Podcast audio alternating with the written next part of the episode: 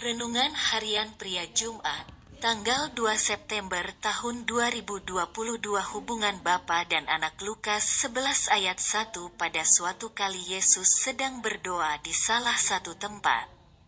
Ketika ia berhenti berdoa, berkatalah seorang dari murid-muridnya kepadanya Tuhan, ajarlah kami berdoa.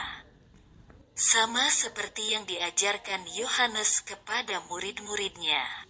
Berdoa bukanlah sesuatu yang baru pada zaman Yesus ada di bumi. Berdoa sudah dilakukan orang-orang pada zaman Perjanjian Lama. Murid-murid Yesus minta kepadanya untuk mengajarkan cara berdoa kepada mereka. Lalu Yesus mengajarkan kepada mereka berdoa, yang dikenal dengan sebutan doa Bapa Kami.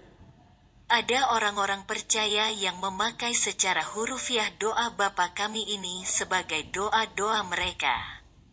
Anda dan saya jika mau memakai kata-kata yang ada di dalam doa Bapa kami, juga boleh. Tetapi kali ini kita akan belajar beberapa prinsip yang ada di dalam doa Bapa kami.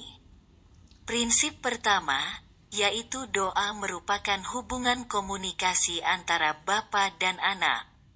Yesus berkata, "Apabila kamu berdoa, katakanlah, Bapa." Jadi doa bukanlah sekedar kegiatan agama saja, tetapi lebih dari itu, yaitu hubungan antara orang-orang percaya sebagai anak-anaknya dengan Tuhan sebagai Bapa.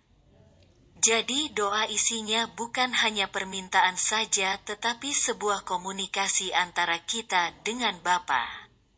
Semakin kita menyadari bahwa doa adalah hubungan antara anak dengan Bapa, maka semakin intimlah kita dengan Bapa di sorga.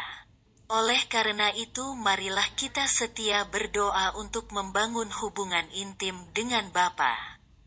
Semakin intim dengan Bapa, maka kita akan semakin mengenal hatinya. Refleksi diri, apa yang firman Tuhan katakan kepada Anda?